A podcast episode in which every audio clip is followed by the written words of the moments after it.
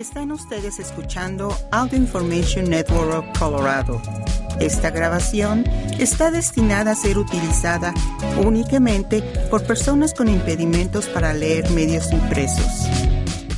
Gracias por acompañarnos el día de hoy, jueves el 24 de agosto de 2023, a la lectura de La Voz Colorado. Mi nombre es David Murphy. Estos son los principales artículos que leeremos hoy. El presidente de CSU Pueblo afirma la importancia de la diversidad, escrito por Ernest Gurule. Los pagos de préstamos estudiantiles comenzarán de nuevo por primera vez en tres años, escrito por Joseph Rios. Y continuaremos con algunos artículos diversos. Empezamos con El presidente de CSU Pueblo afirma la importancia de la diversidad, escrito por Ernest Gurule. Para los de cierta edad ha sido conocido por muchos nombres. Hoy, sin embargo, es simplemente Colorado State University Pueblo. Sin embargo, se puede saber una cosa que es cierta acerca de este faro educativo, es que sigue siendo la opción preferida para los jóvenes estudiantes de pueblo y sus contrapartes regionales. CSU Pueblo continúa llenando el canal de talento para su ciudad natal junto con las decenas de pequeños pueblos que salpican gran parte de las zonas rurales del sur de Colorado. Sin duda, la universidad más grande de la región ha prestado servicios no solo al pueblo, sino también a los valles de Arkansas y San Luis, brindando un suministro listo de talento en todo, desde el gobierno hasta la banca, la atención médica y más. Siempre, dijo el presidente de CSU Pueblo, Timothy Motet, cuando habló sobre el impacto de la universidad, siempre pido a los alumnos que se pongan de pie. Le pido a la gente que mira a los hombres y mujeres de pie qué tipo de trabajo y contribuciones han hecho a la comunidad. Motet, el presidente número 24 de la escuela, dijo que la misión de la universidad no ha cambiado a lo largo de su existencia. En cambio, su enfoque se ha agudizado. Estamos aquí para ayudar a desarrollar profesionales desarrollar talento local, que puedas cuidar a las personas y también ayudar a, impulsar el desarrollo económico. Durante los últimos 15 años, CSU Pueblo también ha llevado la designación de Hispanic Serving Institute, HSI por sus siglas en inglés, para obtener esta designación. Una escuela debe servir a una población estudiantil hispana del 25%. Durante el último año académico, la matrícula latina de la escuela fue del 34%. CSU Pueblo, dijo el presidente de la Cámara de Comercio del Gran Pueblo, Dwayne Nava, ha sido fundamental para identificar, inscribir y nutrir a los jóvenes estudiantes latinos. Nava, un exalumno de la escuela, le da crédito a la escuela por su éxito profesional. Era absolutamente importante, dijo. Nava estaba trabajando en un trabajo de bajo salario y luchando por mantener a su familia cuando se enteró del programa de estudios extendidos de CSU Pueblo. Regístrame, dijo. Me dio la flexibilidad no solo de trabajar a tiempo completo, sino también de comenzar un programa de grado. Muchos otros líderes empresariales y empresarios de la comunidad latina, dijo, también se beneficiaron del mismo tipo de, de oportunidades. Muchos otros que vinieron de otros lugares para asistir a la escuela en CSU Pueblo no solo encontraron que la escuela encajaba perfectamente con ellos, sino también con Pueblo. Vinieron de tantos otros lugares y decidieron quedarse. Debido a su experiencia con la escuela y las habilidades que les proporcionó, dijo Nava, han encontrado su lugar en los negocios, la industria y el gobierno en su ciudad natal. Motet, quien anunció la primavera pasada que dejaría la escuela a fin del año, Dijo que cuando llegó la escuela avanzaba pero a un ritmo mucho más lento de lo que le gustaba. Cuando me contrataron dijo, quería desarrollar una visión audaz para la escuela. No éramos la voz de la educación superior en el sur del estado. En sus siete años al frente, Motet cree que la escuela ha aclarado y refinado su misión. Si es de un pueblo, dice el educador veterano, ahora tiene un sentido de orgullo y propósito que no había aquí antes. Motet, un firme creyente en la diversidad, llama al cuerpo estudiantil de CSU Pueblo uno de sus puntos fuertes. Somos un instituto al servicio de los hispanos, dice. No nos escondemos detrás de él. Lideramos con él. Trabajamos con estudiantes subrepresentados y estudiantes de primera generación, dijo. La escuela también ayuda a preparar a otros estudiantes que no están tan preparados para la universidad como nos gustaría que lo tuvieran. Pero los encontraremos donde estén. Es lo que somos. Un desafío que, Motet, admite que ni él ni la escuela han enfrentado con el grado de éxito que le gustaría es retener a los graduados bien capacitados y mantenerlos en pueblo. Alrededor de los dos tercios de nuestros estudiantes no se quedan en pueblo, dijo. Armados con un título, muchos abandonan el área y se dirigen al norte. Van a Colorado Springs, Denver, Fort Collins y muchos otros lugares. Si bien no está contento con esta realidad, dijo que entiende porque hay un éxodo de talento. Tienen que irse. Hay una gran oportunidad. Para ellos en otros lugares, oportunidades que vienen con una escala salarial que no está disponible en Pueblo y el sur de Colorado. A pesar de esta realidad, Motet cree que hay pruebas de, de que las cosas están cambiando. Creo que una base de fabricación seguirá siendo de vital importancia para esta región señala el Centro de Tecnología de Transporte de Pueblo, una operación que ha unido fuerzas con la escuela para avanzar en su misión. Pueblo también consiguió recientemente CS Wind, una empresa coreana que fabrica torres eólicas y que muy probablemente convertirá a Pueblo en el mayor fabricante mundial de los componentes que desempeñarán un papel clave en la futura independencia energética. Motet cree que sus CSU Pueblo será un parte indispensable de la futura vitalidad económica de Pueblo y el sur de Colorado. El potencial para transformar la economía de la ciudad y la región radica en nuestra capacidad para atraer y desarrollar una economía más nueva. Él dice que la capacidad de la escuela para producir graduados de calidad en biotecnología, atención médica y el campo, el campo repentinamente es esencial de la seguridad cibernética será invaluable para el futuro de Pueblo. Para hacer eso, Motet quiere que las familias que, vienen, que viven al norte de Pueblo, a lo largo de Front Range, consideren a Pueblo como el próximo paso en la experiencia educativa de sus hijos. Y eso es algo en lo que la escuela ha comenzado a trabajar. La escuela encargó una encuesta de marketing que ya proporcionó información sobre la mejor manera de presentarse que de presentarles CSU Pueblo. Uno de los hallazgos de la encuesta demostró lo que muchos en la escuela ya habían sospechado. La mayoría de los habitantes de Colorado no tienen una impresión de pueblo, dijo Motet. Motet dijo que estas familias no tienen que venir a pueblo, aunque le gustaría que visitaran al campus.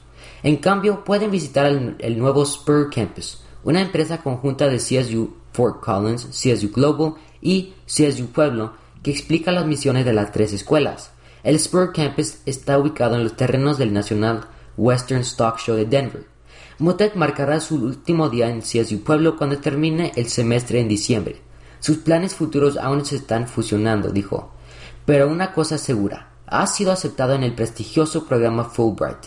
El programa reúne a personas para estudiar disciplinas prácticas y de múltiples campos para capacitar a los estudiantes para comprender, comunicar y lograr objetivos específicos fuera de sus propias culturas. La Fulbright de Motet lo llevará a París durante dos semanas en el 2024. Al dejar Pueblo y la escuela que ha dirigido durante siete años, su partida, dijo, será agridulce. Vivir y trabajar aquí y dirigir la universidad ha sido lo más destacado en mi carrera y el honor de mi vida. Continuaremos con los pagos de préstamos estudiantiles comenzarán de nuevo por primera vez en tres años, escrito por Joseph Rios. A principios de este verano, la Corte Suprema votó 6 a 3 en un fallo de que la administración Biden se extralimitó en su autoridad de 2022 cuando anunció que cancelaría hasta 400 mil millones de dólares en préstamos estudiantiles. El fallo afectó a 43 millones de estadounidenses que se habrían beneficiado de la condonación del préstamo.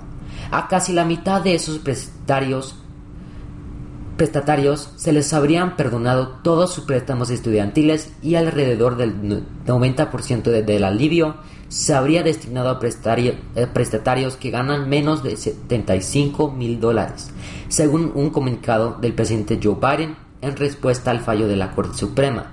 Habría cambiado la vida de millones de estadounidenses y sus familias, y hubiera sido bueno para el crecimiento económico, tanto a corto como a largo plazo, dijo Biden en el comunicado. Los intereses de los préstamos estudiantiles se reanudarán el 1 de septiembre, mientras que los pagos vencerán en octubre. Millones de prestatarios no han tenido que pagar préstamos estudiantiles desde el marzo del 2020, debido a una medida de emergencia por la pandemia. Si debe dinero de sus préstamos federales para estudiantes, ahora es el momento de comenzar a planificar. Algunos pasos a considerar antes de que se reanuden los pagos incluyen ubicar su administrador de préstamos estudiantiles, comunicarse con su administrador, y considerar un plan de pago basado en los ingresos.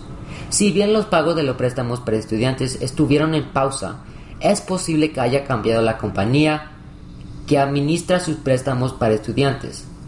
Si no sabe quién es su proveedor de préstamos estudiantiles, puede encontrar su administrador iniciando sesión en studentaid.gov. También vale la pena comunicarse con su administrador para preguntar cuánto podría deber cuando se reanuden los pagos y para ver qué planes de pago están disponibles para usted. Poco después de la decisión de la Corte Suprema, la administración Biden introdujo el plan ahorro para una educación valiosa, SAVE. Esta forma de pago está impulsada por los ingresos y reducirá los pagos mensuales de los prestatarios a la mitad, permitirá que muchos prestatarios hagan pagos mensuales de 0 dólares. Ahorrará a todos los demás prestatarios mil dólares por año y garantizará que los prestatarios no vean crecer sus saldos debido a los intereses impagos, según la Casa Blanca. Un aspecto del plan SAVE incluye saldos de préstamos perdonados después de 10 años de pagos, en lugar de 20 años, para prestatarios con saldos de préstamos originales de 12 mil dólares o menos. Los estudiantes prestatarios en proceso de pago son elegibles para el plan SAVE y aquellos que se inscriban o ya estén inscritos en el plan paga a medida que ganan revisado se inscribirán automáticamente en SAVE. Los interesados en el plan SAVE pueden obtener más información visitando el sitio web del Departamento de Educación. La deuda de préstamos estudiantiles en los Estados Unidos asciende a 1.774 billones de dólares, según Education Data Initiative, una agencia de investigación que recopila datos y estadísticas sobre el sistema educativo del país. El saldo promedio de la deuda de los préstamos estudiantiles federales es de 37.717 mil dólares y el estudiante universitario público promedio pide prestados 25.969 mil dólares para obtener una licenciatura según Education Data Initiative. Ahora seguiremos con el Tribunal Municipal de Aurora. Ahora permite la búsqueda de órdenes judiciales en línea. Escrito por Admin. El Tribunal Municipal de Aurora ha implementado una nueva búsqueda de órdenes de arresto en línea que permite a las personas verificar las órdenes de arresto pendientes sin tener que visitar o llamar al tribunal, como parte de los esfuerzos continuos para aumentar la transparencia y el servicio al cliente para los residentes. La búsqueda de órdenes de arresto, que está disponible en auroragov.org/courts, se priorizó luego de una presentación del agente de policía de Aurora Virgil Majors sobre las mejoras tecnológicas para mejorar el servicio al cliente. Como tribunal queremos que sea claro y sencillo para las personas cumplir con las órdenes judiciales y, por extensión, aliviar la carga de las fuerzas del orden, dijo la administradora del Tribunal de Aurora, Candace Atkinson. Siempre estamos buscando formas de mejorar nuestro servicio al cliente y quiero agradecer al agente Majors por sus sugerencias y trabajo para mejorar nuestros procesos. Los residentes aún pueden solicitar una verificación de orden en persona en el Tribunal Municipal de Aurora 14999 East Alameda Parkway o por teléfono al 303-739-6455 o al 303-739-6444. Otras mejoras tecnológicas en la Corte para facilitar el servicio al cliente incluyen la capacidad de aceptar pagos parciales en línea después de que un caso haya llegado a una disposición, lo que permite a los litigantes en un plan de pago evitar viajes mensuales al juzgado. El envío de correos electrónicos de recordatorio para fechas de corte, fechas de corte perdidas, pago adeudado, si una cuenta se va a enviar a cobros y si se emite una orden judicial. El Tribunal Municipal de Aurora preside las infracciones del Código Municipal de Aurora, incluidas las citaciones y quejas de tránsito, infracciones de parques y espacios abiertos, infracciones penales del Código de la Ciudad, infracciones de cumplimiento del Código de Vecindario, infracciones de camiones comerciales con sobrepeso, infracciones de servicios de animales y delitos relacionados con el Departamento de Bomberos. Continuaremos con Broncos caen ante Cardinales en apertura de pretemporada, escrito por Brandon Rivera. Los Denver Broncos casi ganan su primer juego de pretemporada, pero casi en realidad solo cuentan con herraduras y granadas de mano. Seamos honestos, a pesar de lo felices que están los fanáticos de que la temporada de fútbol haya regresado, la pretemporada realmente no significa mucho. Los Cardinals por otro lado, mantienen los juegos de pretemporada a un nivel más alto. O eso es lo que las personas que administran las cuentas de redes sociales de Arizona quiere que creas. En un meme slash video, ahora eliminado publicado en una página de redes sociales de los Arizona Cardinals, se muestra un video viral reciente de la diatriba de una mujer a bordo de, de un avión con el logotipo de los Cardinals esparcido por su cuerpo que dice en el video esa madre no es real. Seguido de otro meme que mostraba a Russell Wilson haciendo ejercicio en el pasillo de avión. El video fue visto por casi 5 millones antes de que fuera eliminado y algunas personas tuvieron algunas ideas al respecto. La, la, palabrería ha sido un elemento básico en los deportes desde que los humanos comenzaron a competir entre sí durante siglos y no va a desaparecer pronto. Pero en este caso, la palabrería obviamente apuntada a Wilson, quien hace solo dos temporadas era un mariscal de campo rival en el NFC Oeste y los Cardenales.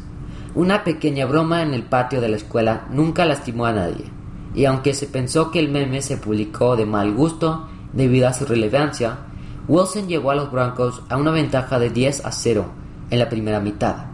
Alguien por encima de la persona de las redes sociales decidió tenerse eliminó. Wilson tuvo algunos problemas para comenzar el juego lanzando dos pases incompletos en su primera serie, lo que resultó en un rápido 3 y fuera.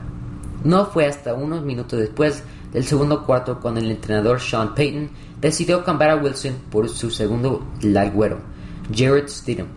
Wilson terminó con 7 pases completos en 3 intentos para 93 yardas y una calificación de mariscal de campo QBR de 102.4. La mayor preocupación de los Broncos provino de la línea ofensiva que permitió 5 hits a Wilson, quien fue presionado continuamente durante su tiempo detrás del centro.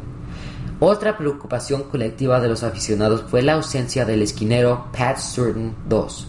Surton fue catalogado como fuera con una lesión central para el juego del viernes, pero regresó al campo de práctica con las protecciones completas al martes. En otros deportes, los Colorado Rockies aún permanecen en el sótano del oeste de la Liga Nacional. 26 juegos detrás de los Dodgers de Los Ángeles, los Rockies perdieron sus tres juegos ante los Dodgers en Los Ángeles durante el fin de semana. El lunes iniciaron una serie de tres juegos con los Diamondbacks de Arizona y derrotaron a los Diamondbacks 6 a 4. Colorado termina la serie el miércoles y recibirá a los Medias Blancas de Chicago el viernes para dar inicio a una serie de tres juegos en el Coors Field. El Colorado Avalanche recibió buenas noticias sobre su mejor defensa, Kale, Makar, el lunes. Makar fue seleccionado para aparecer en, en la portada de EA Sport NHL 24 que sale a la venta el miércoles.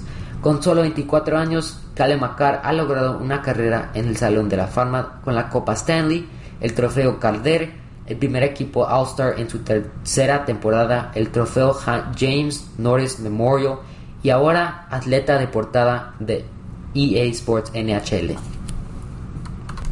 Seguiremos con los Broncos pierden el segundo partido de pretemporada en los últimos segundos, otra vez, escrito por Brandon Rivera.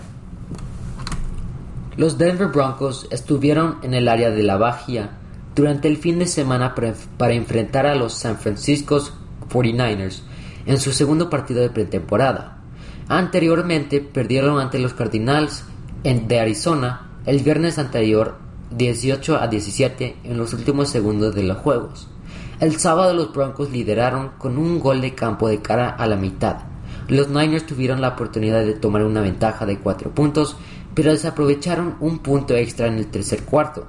Los Broncos capitalizaron el error anotando un touchdown y tomando una ventaja de 3 a 9 en el tercero. En el cuarto los Niners sumaron 12 puntos más con un touchdown y dos tiros de campo con otro punto fallido tras intento.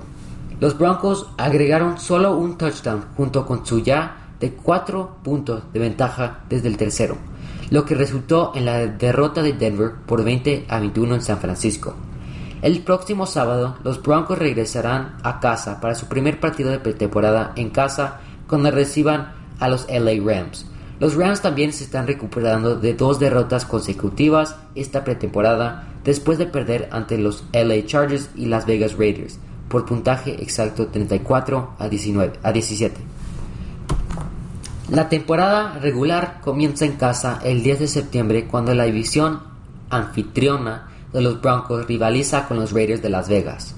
Los Raiders canjearon al mariscal de campo Derek Carr la temporada pasada y adquirieron a Jimmy Garoppolo fuera de temporada. Hasta ahora, Garoppolo ha sido, ha sido presionado por el mariscal de campo Aiden O'Connell para ocupar el puesto titular. En otros deportes, el ex Nugget y campeón de la NBA, Bruce Brown, recurrió a, las redes sociales el lunes para despedirse de sus compañeros, entrenadores y fanáticos. Denver, a mi compañero de equipo y a, más, y a mis entrenadores. Aprecio el año que tuvimos juntos.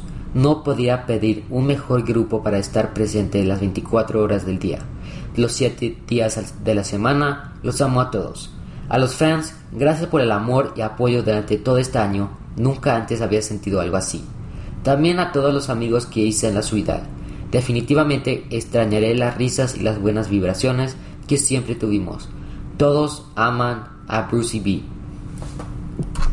Los Rockies de Colorado están ahora en 28.5 juegos, juegos, detrás de los Dodgers de Los Ángeles, líderes de la, división. Desde el tercer juego de la serie de los Rockies contra los Diamondbacks de Arizona la semana pasada, los Rockies tienen marca de 2 a 2 con victorias aplastantes sobre las Medias Blancas de Chicago en los juegos 1 y 2 y una sola derrota el domingo 10, 10 a 5. Los Rockies están en Florida esta semana para enfrentarse a los Tampa Bay Rays en una serie de tres juegos que finaliza el jueves. Los Rockies continúan su recorrido en Baltimore para enfrentar a los Orioles antes de regresar a casa para enfrentar a los Bravos de Atlanta el lunes 28 de agosto. El domingo NHL Network nombró al defensa de Colorado Avalanche, Calen McCarr, como el mejor defensa de la NHL. Mencionamos la semana pasada que Macar fue seleccionada como jugador de portada de EA Sports para NHL 24. Los Colorado Avalanche están a poco más de un mes del inicio de, la pretemporada cuando se enfrenten a los campeones de la NHL, NHL 2023, Las Vegas Golden Knights. Seguiremos con ¿Qué hacer en el norte de Colorado? Escrito por Joseph Rios. Una de las mejores cosas de Colorado es vivir a poca distancia en automóvil de escapadas rápidas fuera del área metropolitana de Denver. Desde caminatas hasta explorar la escena gastronómica de Colorado, no hay escasez de actividades divertidas para hacer en el estado, particularmente en el norte de Colorado. Lugares como Fort Collins, Loveland, Estes Park, Greeley y otras partes del área norte de Colorado ofrecen a los habitantes de Colorado muchas oportunidades emocionantes para divertirse en familia fuera del área, del área metropolitana de Denver.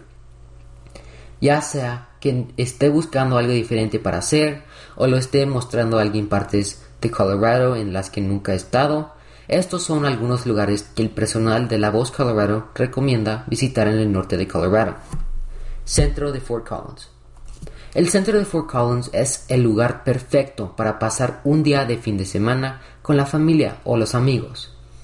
El área cuenta con tiendas locales, minoristas, muchos restaurantes y cervecerías, bares, comedia y mucho más.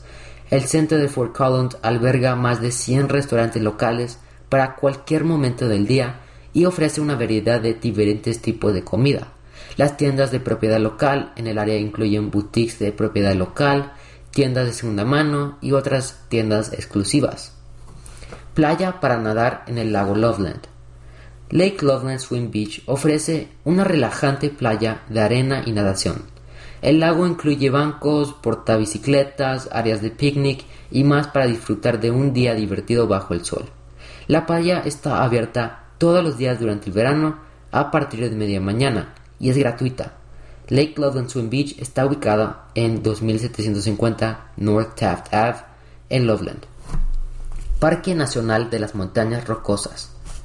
Uno de los parques nacionales más populares de Colorado, el Parque Nacional de las Montañas Rocosas, ofrece un entorno montañoso con prados, lagos, senderos para caminatas y observación de la vida silvestre. Los animales que los visitantes pueden encontrar incluyen alces, borregos cimarrones, alces marmotas, picas y otros animales salvajes. Al final de la calle del parque se encuentra Estes Park, una ciudad que alberga más de 200 tiendas minoristas, restaurantes y atracciones en el centro de la ciudad. Arte de Greeley. Tanto Greeley como Loveland fueron nombrados distritos creativos certificados de Colorado lo que significa que son comunidades que contribuyen a la economía del Estado a través de la creatividad, la cultura y las artes. La ciudad de Greeley alberga más de 350 obras de arte rotativas en interiores y más de 160 piezas de arte al aire libre. Las piezas al aire libre han sido donadas, regaladas o compradas desde 1967. Afortunadamente, el centro de Greeley compiló una mapa para ayudar a guiar a los visitantes a través de las muchas obras de arte al aire libre de la ciudad. Y mientras los visitantes echan un vistazo al arte de la ciudad, pueden explorar, cenar y comprar en los numerosos establecimientos del centro de Greeley. Ahora continuaremos con El turno de los millennials de buscar una educación de calidad, escrito por David Conde. El 10 de julio del 2019, la generación milenial se convirtió en mayoría en Estados Unidos. Esto significa cambiar la dinámica de la dirección que el país puede tomar para navegar en el futuro. Desafortunadamente, los milenios también son una generación que está descubriendo que en muchos casos no están mejor que sus padres. Vivir en casa, la deuda estudiantil, el uso de la tecnología y las redes sociales y la desconexión de la comunicación cara a cara les está complicando la vida y la del país. Como padres de la mayoría de los niños en la escuela, la generación se enfrenta cada vez más a la revitalización del enfoque en la eficacia educativa. Sucede que la calidad de la escolarización tocó fondo con la pandemia del COVID al mismo tiempo que los milenios se convertían en mayoría. El desafío educativo es severo y requiere el mejor pensamiento y acción que puedan ofrecer. Los jóvenes de esta generación necesitan el mejor camino hacia la autorrealización. En su día, el movimiento chicano orientado a la juventud en los niveles de estudiantes universitarios y de secundaria se encontraba en la primera línea de la educación principal y otros problemas económicos y culturales que enfrentaba la comunidad. La comunidad. El desafío al sistema educativo en sí mismo fue una forma de encontrar una nueva base para comprenderse a sí mismo y cuestionar un mundo que parecía estar ciego y quizás al que no le importaban lo suficiente los aspectos más importantes de lo que hacía a las personas quienes son. Recuerdo los estallidos de la escuela secundaria en Pueblo, Colorado, en la década de 1970 las manifestaciones en las reuniones de la Junta Escolar y el esfuerzo enfocado para establecer un programa de estudios chicanos en lo que es ahora CSU Pueblo. Recuerdo la construcción de un plan de estudios universitario en torno al tema, la creación de actividades culturalmente relevantes y ayudar a liderar 102 organizaciones en el sur de Colorado, en la construcción de la infraestructura para una celebración adecuada del 5 de mayo, entre otras cosas. Para los estudiantes chicanos, las materias populares se encontraban principalmente en las ciencias sociales, ya que estos hombres y mujeres jóvenes descubrieron que tenían preguntas importantes sobre su propia composición. Ser descendientes de mexicanos en un país americano, no incluidos de manera afirmativa en esa historia, perder la lengua de sus antepasados, encontrarse entre dos culturas fuertes y ser castigados por no pertenecer a ninguna de las dos fue el lastre que condujo a una a veces violenta esfuerzo para encontrar lo que necesitaban saber. La lucha contra, la lucha contra las instituciones educativas por parte de una comunidad latina posterior a la Segunda Guerra Mundial encontró eco en, eco en Estados Unidos causada por una pérdida de fe en el gobierno como resultado de Watergate y la guerra de Vietnam. En esta coyuntura, la juventud chicana se encontró en medio de una revuelta general contra las instituciones del país que condujo a una mayor capacidad de respuesta para atender las necesidades educativas de su comunidad. Desafortunadamente, la escena educativa posterior a Vietnam entró en decadencia cuando los niños de la generación boomer crecieron, se graduaron y abandonaron la escuela. La falta de interés y apoyo resultante, especialmente para la educación K12, ha asestado un duro golpe a esta institución y está muy lejos de recuperarse. Dada la realidad actual, parece que tenemos que empezar de nuevo, desde abajo.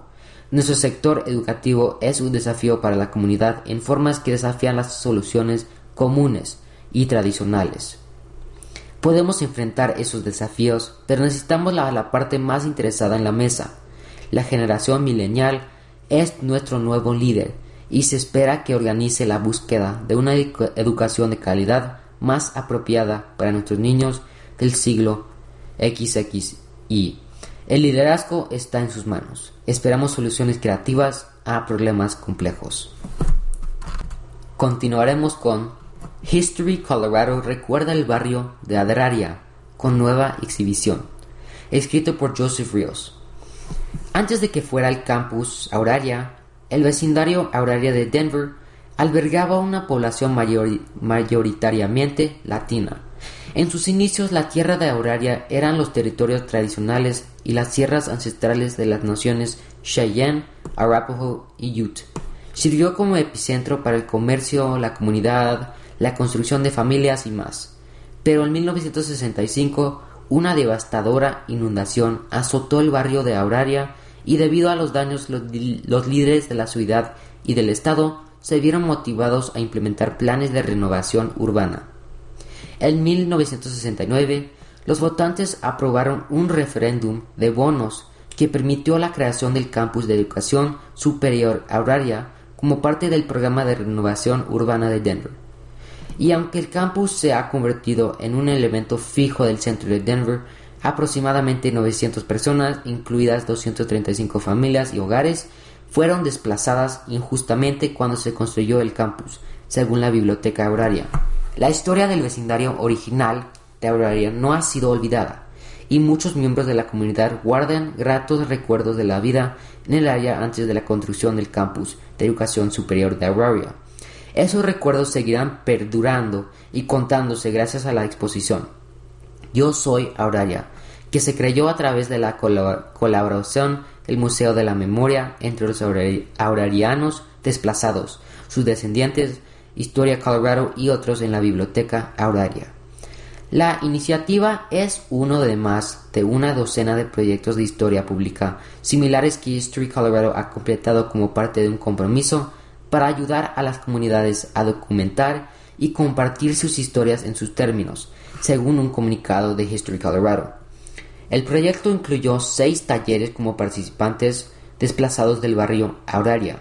Los talleres incluyeron experiencias de memoria para evocar descripciones del proceso de, de desplazamiento y cómo era el vecindario antes de la renovación urbana, se lee en el comunicado.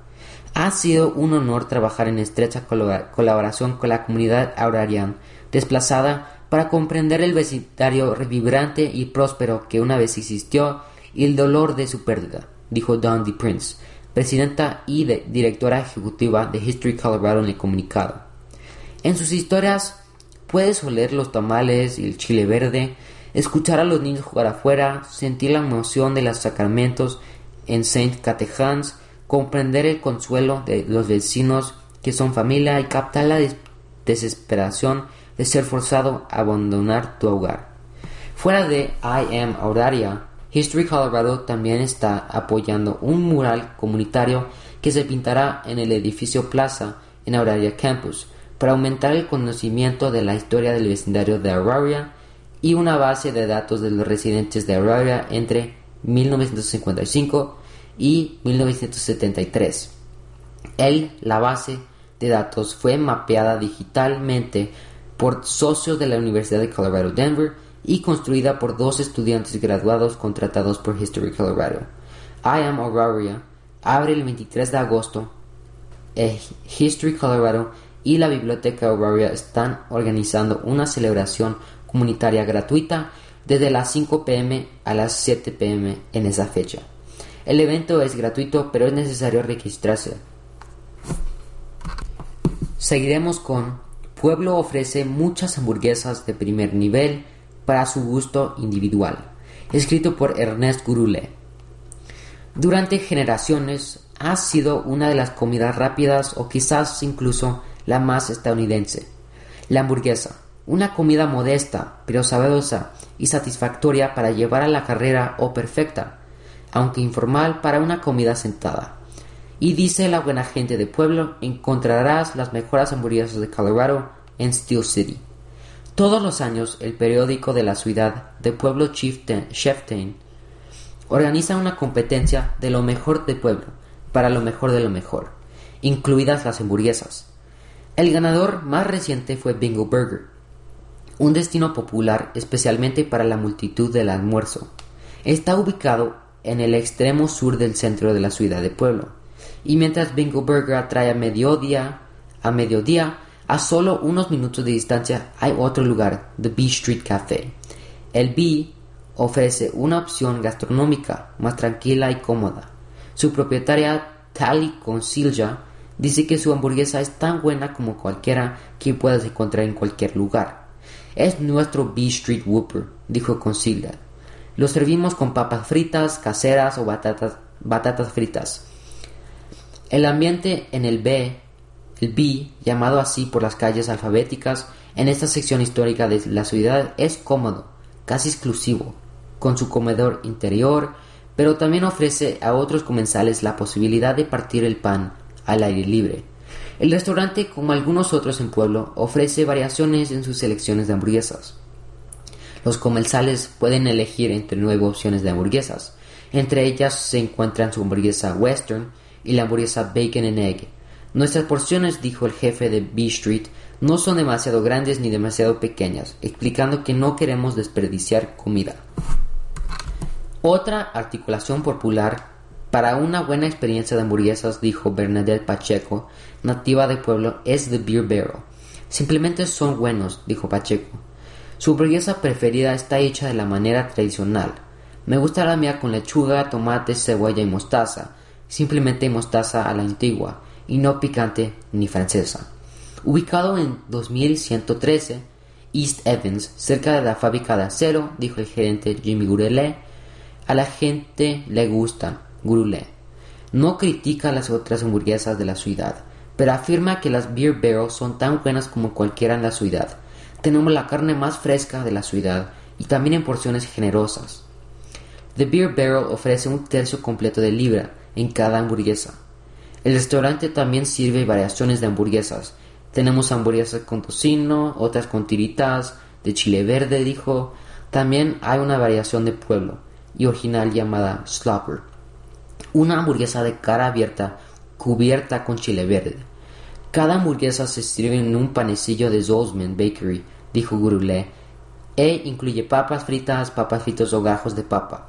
Los precios de las hamburguesas son de 9.55 dólares para la simple y 11.45 dólares para la hamburguesa con queso.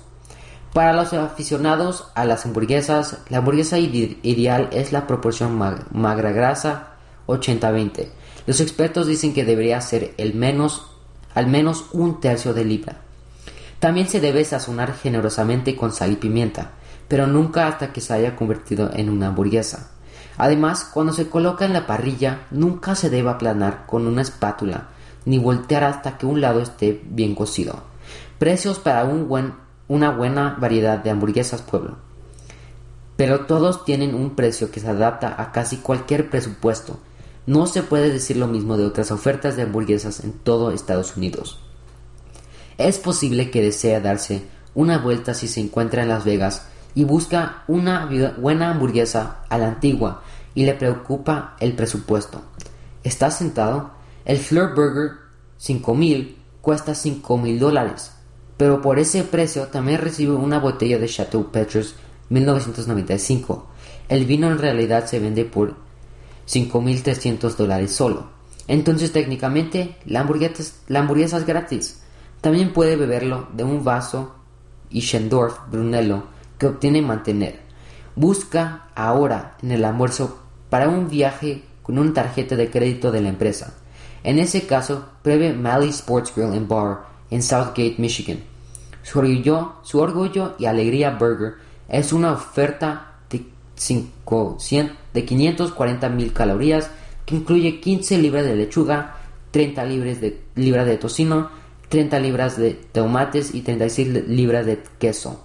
La hamburguesa requiere 22 horas para prepararse y la fuerza de 3 meseros para llevarla a tu mesa. Consejo, traer amigos. Se vende por 1999 dólares. Pero si está planeando un viaje a Pueblo y quiere evitar una hamburguesa de franquicia, hay mucho para elegir en el Steel City. Buen provecho. Terminaremos con 175 años de historia llenos de orgullo en un fin de semana. Escrito por Pauline Rivera. Viajaron desde California, Colorado, Oregon, Wyoming, Utah, Nevada y más. El primer fin de semana de agosto, del 4 al 6. En 2023 los descendientes de las familias Costilla y Amalia se reunieron y celebraron el asentamiento de ambas comunidades, que data de 1848. 175 años de preservancia, de perseverancia, integridad, trabajo duro y puro orgullo brillaron entre las más de dos mil personas que se reunieron ese día. La multitud incluía a los residentes de la ciudad natal, los que se mudaron y los que visitaron hace mucho tiempo y regresaron. ¿Qué atrajo a los nietos y bisnietos que encontraron el camino de regreso a casa para honrar a sus antepasados que lo precedieron?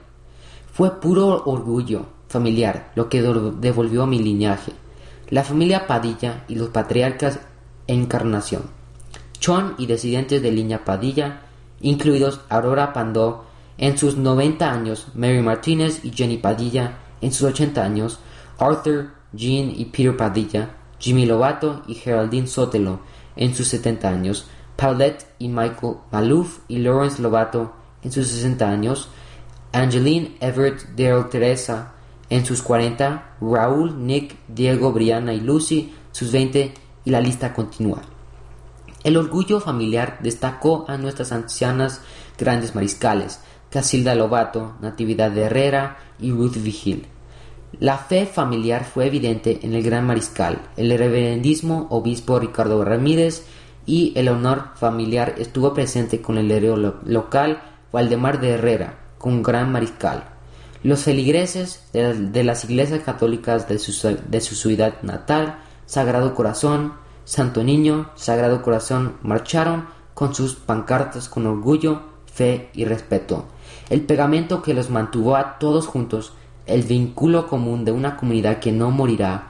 La mayoría asistió a Costilla Elementary Junior High o High School, cuya última generación de graduadas de 1965 estuvo representada. La educación continua de tantos descendientes tuvo como resultado con orgullo el ingeniero Conrad Roybal, el veterinario Len Lucero, el doctor Rick Lobato, la ingeniería la ingeniera María Luz Durán, el arquitecto Randy Lobato, el asesor general del Aeropuerto Internacional de Denver, Everett Martínez, la secretaria de Estado Rebecca Vigil Girón, los músicos Phil Fernández, Chris y Rodney Arellano, los dentistas Ben Padilla y Aloisa Lobato, el juez Michael Torres, los abogados Teresa Becerra y Adam Arellano, la agente especial Lina Rivera, el exdirector de la escuela secundaria Melvin Valdez, la difunta representante del distrito de Colorado Val Vigil, enfermería Dolores Clark y la fallecida Katie Cordova Quintana, los autores Dani Quintana y Prax Martínez, la periodista y editora Pauline Rivera y los interminables educadores que inspiraron a los estudiantes de Costilla y Amalia. Mientras el sol se ponía en un evento histórico, se veían números carteles familiares con los nombres Arellano, Alire, Durán, Herrera, García, Jaquez, Lobato, Lucero, Martínez, Maíz, Maluf, Miera, Mascarenas, Ortiz, Oversen, Padilla, Pacheco, Rivera, Roibal, Segura, Santisteban, Salazar, Tafoya, Torres, Valdés, Vigil y muchos más quedaron marcados en nuestra memoria. Supimos colectivamente que las comunidades de Costilla y Amalia vivirán por siempre. Gracias por acompañarnos en esta edición de La Voz Colorado. Mi nombre es David Murphy. La programación regular de este podcast no está disponible en este momento. Esperamos que disfrute de esta transmisión especial de AINC. Gracias por acompañarnos el día de hoy, miércoles, el 29 de agosto de 2023, a la lectura de Telemundo Denver. Mi nombre es Janet Beatty. Esos son los principales artículos que leeremos hoy el salario de Luis Rubiales, ¿cuánto dejaría de ganar por la suspensión del cargo por IFI? Más baratos. Los precios de estos 10 medicamentos entrarán a negociación con el Medicare por NBC y Telemundo Digital. Le extraen del cerebro una lombriz intestinal viva común en serpientes pitones por IFI. McCarthy investigación de juicio político a Biden es el siguiente paso natural por Jonathan J. Cooper, AP. Y continuaremos con algunos artículos diversos. El salario de Luis Rubiales. ¿Cuánto dejaría de ganar por la suspensión del cargo? Esta es la suma de su salario más la ayuda que tiene para vivienda y otros, por IAFI. España. La salida de Luis Rubiales como presidente de la Real Federación Española de Fútbol conllevaría la pérdida total en dólares de un millón dos mil seiscientos noventa y dos dólares, que sería novecientos veinticinco mil setecientos sesenta y un euros en sus ingresos brutos, entre la suma de su salario como presidente de la Federación 731.917 dólares, los 38.991 dólares anuales de la ayuda a la vivienda, más los 270.775 dólares que mantenía por ser vicepresidente y miembro del comité ejecutivo de la UEFA.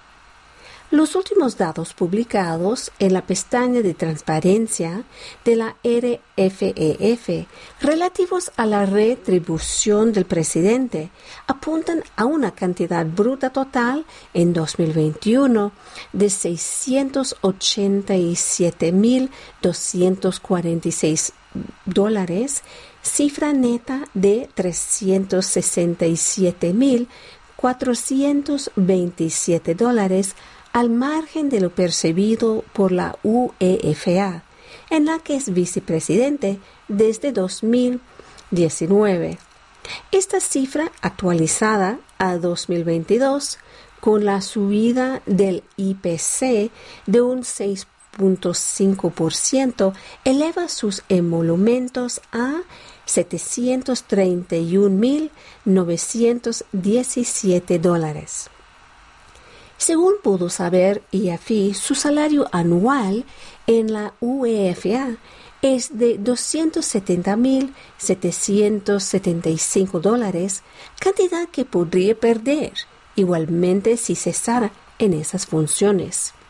En FIFA, Luis Rubiales no tenía cargo alguno. La Asamblea de la RFEF e aprobó en mayo de 2022 un nuevo sistema para la remuneración de Luis Rubiales como presidente con efectos retroactivos desde el 1 de enero de ese año. Entonces pasó a tener un salario fijo más el IPC, en lugar de un fijo y unas variables en función del éxito económico, basado en un porcentaje de los ingresos de los nuevos patrocinadores, como había sido hasta la fecha, tras las suspicacias generadas por el caso Supercopa. También se acordó reducir la ayuda de vivienda al presidente a 3.249 dólares al mes y el tesorero de la RFEF, e Eduardo Bandrés, precisó que el nuevo sistema suponía una reducción de unos 54.155 dólares anuales. La reunión de presidentes autonómicos celebrada en la jornada del lunes abordó esta situación con los servicios jurídicos de la RFEF e y dado que Rubiales está suspendido provisionalmente perdón, por la FIFA, así consta a partir de ahora en el Departamento de Recursos Humanos Federativo.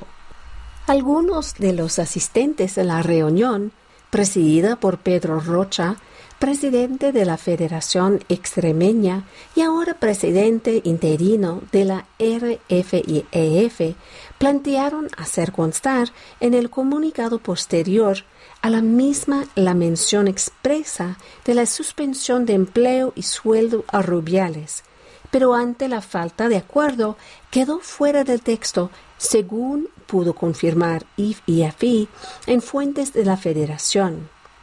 El lunes, los presidentes de las territoriales, reunidos por primera vez después de todo lo ocurrido tras la final del Mundial Femenino, acordaron por unanimidad pedir la dimisión de Luis Rubiales y de no producirse esta abriría la puerta a una moción de censura algo que el propio Rubiales trató de hacer para revelar a Villar y que no fue necesario por la destitución de este por parte del TAD.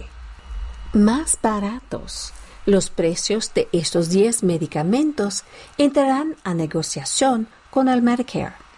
Se trata de 10 medicamentos claves para tratar enfermedades como la diabetes, la artritis y cardíacas por NBC y Telemundo Digital. El gobierno anunció este martes los 10 primeros medicamentos con prescripción que estarán sujetos a negociaciones de precios del Medicare, un logro clave para el gobierno de Joe Biden en su objetivo de reducir el alto costo de los medicamentos recetados para personas mayores. La disminución en los costos beneficiaría a unas 9 millones de personas. Se calcula que el Medicare presta cobertura médica a 55 millones de personas en Estados Unidos, según KFF, un grupo no partista que estudia cuestiones de políticas de salud. Entre los medicamentos que tendrán precios reducidos están algunos que son de los recetados más comunes y costosos para tratar la insuficiencia cardíaca, coágulos sanguíneos, diabetes, artritis y enfermedad de Crohn. Esas personas mayores actualmente pagan hasta 6.497 dólares en costos del bolsillo por año por estas recetas, dijo el presidente Joe Biden en un comunicado en el que destacó que el ahorro será hasta de 160 mil millones de dólares al reducir lo que Medicare paga para los medicamentos gracias a la ley de reducción de la inflación. Esos son los 10 medicamentos que se podrán negociar ahora.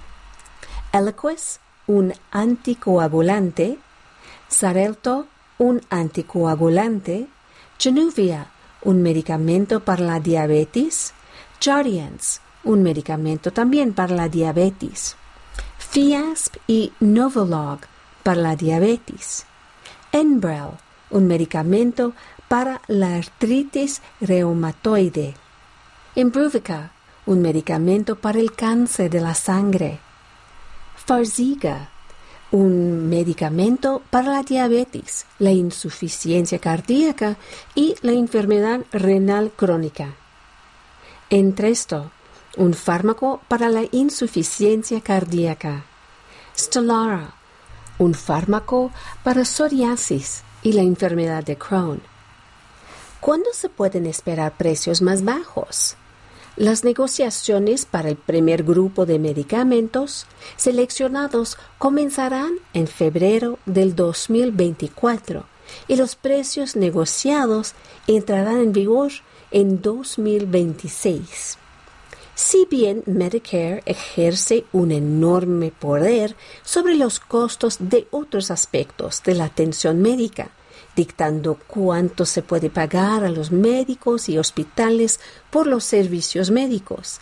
Se le ha prohibido negociar los precios de los medicamentos. Eso cambiará el próximo año, cuando Medicare, por primera vez, podrá negociar directamente con los fabricantes de medicamentos los precios de los fármacos más costosos. Los precios negociados entrarán en vigor en 2026. Le extraen del cerebro una lombriz intestinal viva común en serpientes pitones. El primer caso de ese tipo en humanos, según informaron este martes fuentes académicas por IAFI. Australia.